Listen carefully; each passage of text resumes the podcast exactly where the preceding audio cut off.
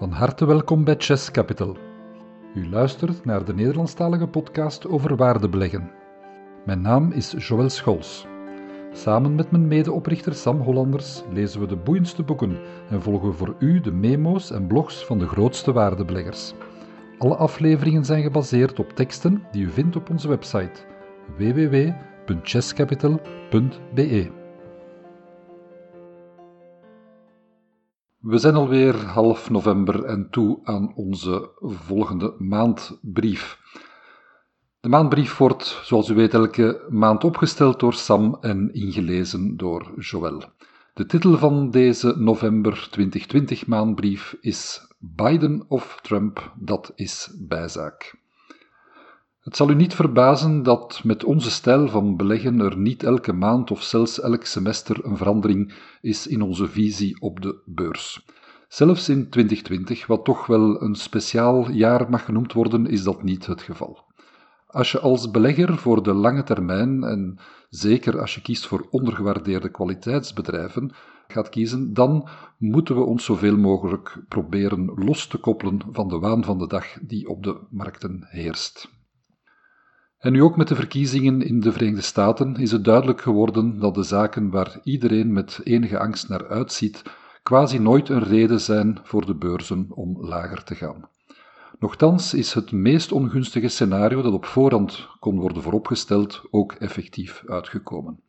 Joe Biden lijkt namelijk met een zeer klein verschil te hebben gewonnen.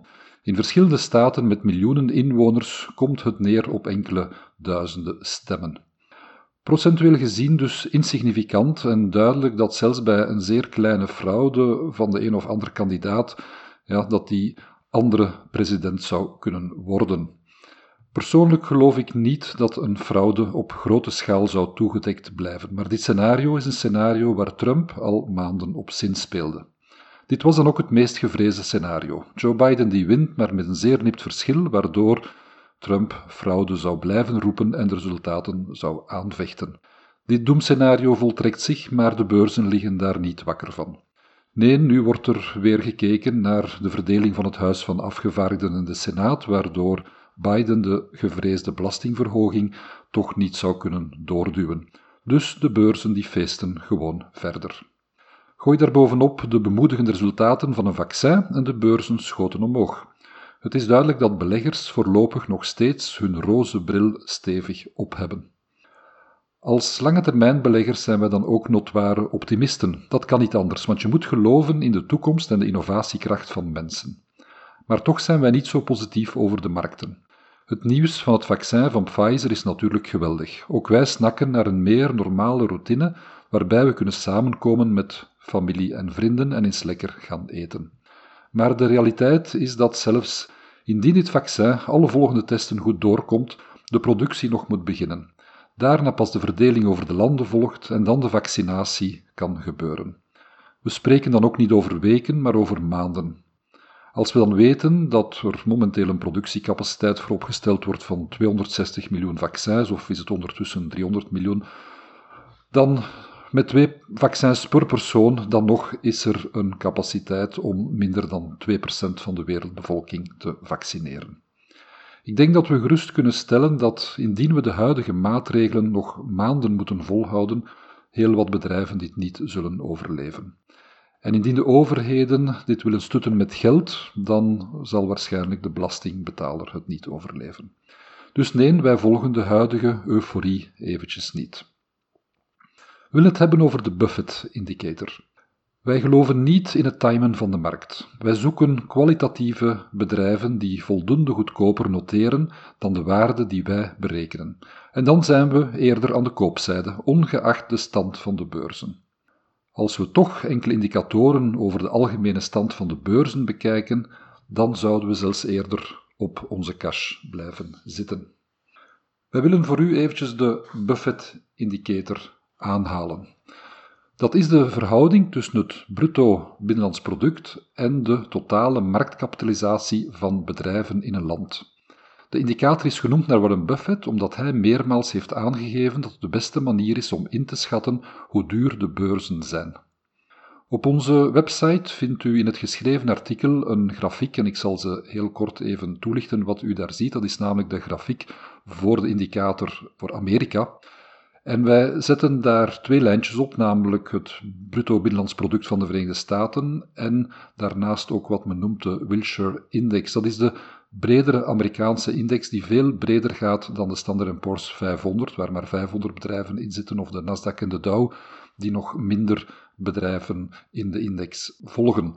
Dus de Wilshire volgt, ik dacht, een vijfduizendtal bedrijven, wat dus een goed beeld geeft van de brede Amerikaanse markt. Dan zie je op die grafiek dat in de jaren 80 en begin jaren 90 de index lager geprijsd is dan de grafiek van het BBP. Tot zo'n 20, 30 procent lager. En dan heb je een stijging in de fameuze dotcom-periode rond het jaar 2000. Dan gaat die daarna in een dipje eronder. Ga je weer een lichte overwaardering krijgen in de periode 2007, om dan een serieuze dip te krijgen van, ik schat zo'n meer dan 40 procent in de periode na de financiële crisis. Nadien beginnen de beurzen als gek te stijgen en dan zitten we nu op een, een overshoot, zal ik maar zeggen, op een overwaardering van toch meer dan 70% voor die Wilshire-index ten opzichte van het bruto binnenlands product. U kan de grafiek rustig eens bekijken door het artikel na te lezen op de website. Dus de beurzen staan enorm duur als je het op een macroscopische schaal bekijkt.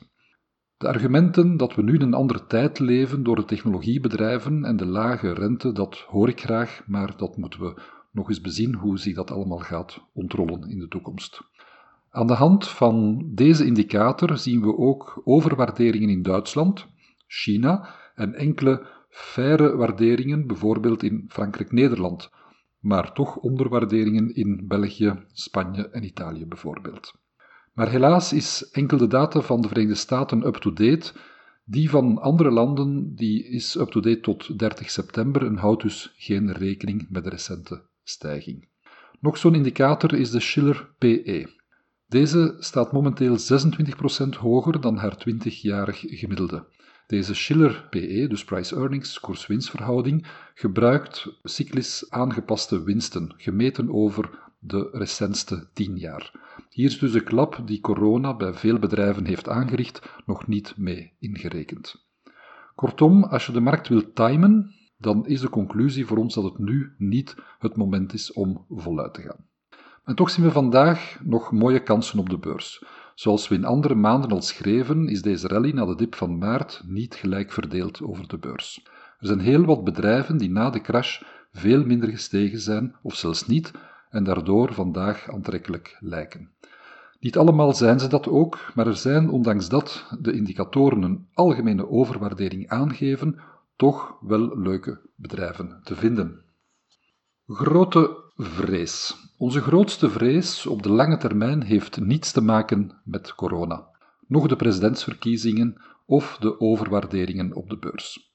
We leven namelijk van de volatiliteit. Zoals u weet, Ondertussen laten we ons niet leiden door Mr. Market, maar maken we graag gebruik van zijn diensten.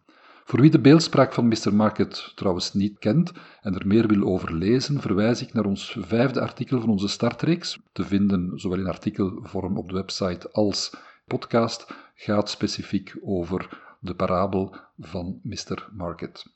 U kent ondertussen het mantra. Om gebruik te maken van Mr. Market dienen we de bedrijven goed te kennen, dienen we hun waarde te kennen. Als de beurskoers dan om eenderd welke reden voldoende onder die waarde zakt, dan staan we eerder aan de koopzijde. Zakt de beurs nog verder en we blijven overtuigd van die waarde, dan is dat een goede zaak en kunnen we zelfs nog bijkopen. Wordt Mr. Market wat gek en de beurzen stijgen te veel en de beurskoersen gaan boven die waarde die wij berekend hebben, dan gaan we eerder aan de verkoopzijde staan.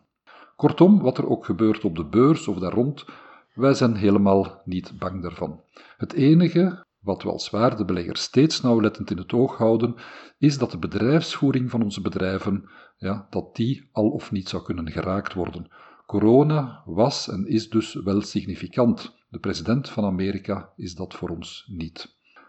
Maar onze grootste vrees is dat door het achterblijven van sommige beurskoersen en het feit dat veel bedrijven makkelijk goedkoop geld kunnen vinden bij onder andere family offices of institutionele beleggers, we een aantal families zien beslissen om hun bedrijf van de beurs te halen, zoals bijvoorbeeld Sion dat nu ook wil doen.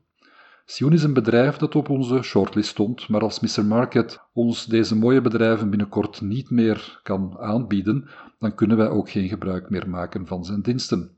Het komen en gaan van bedrijven op de beurs is van alle tijden.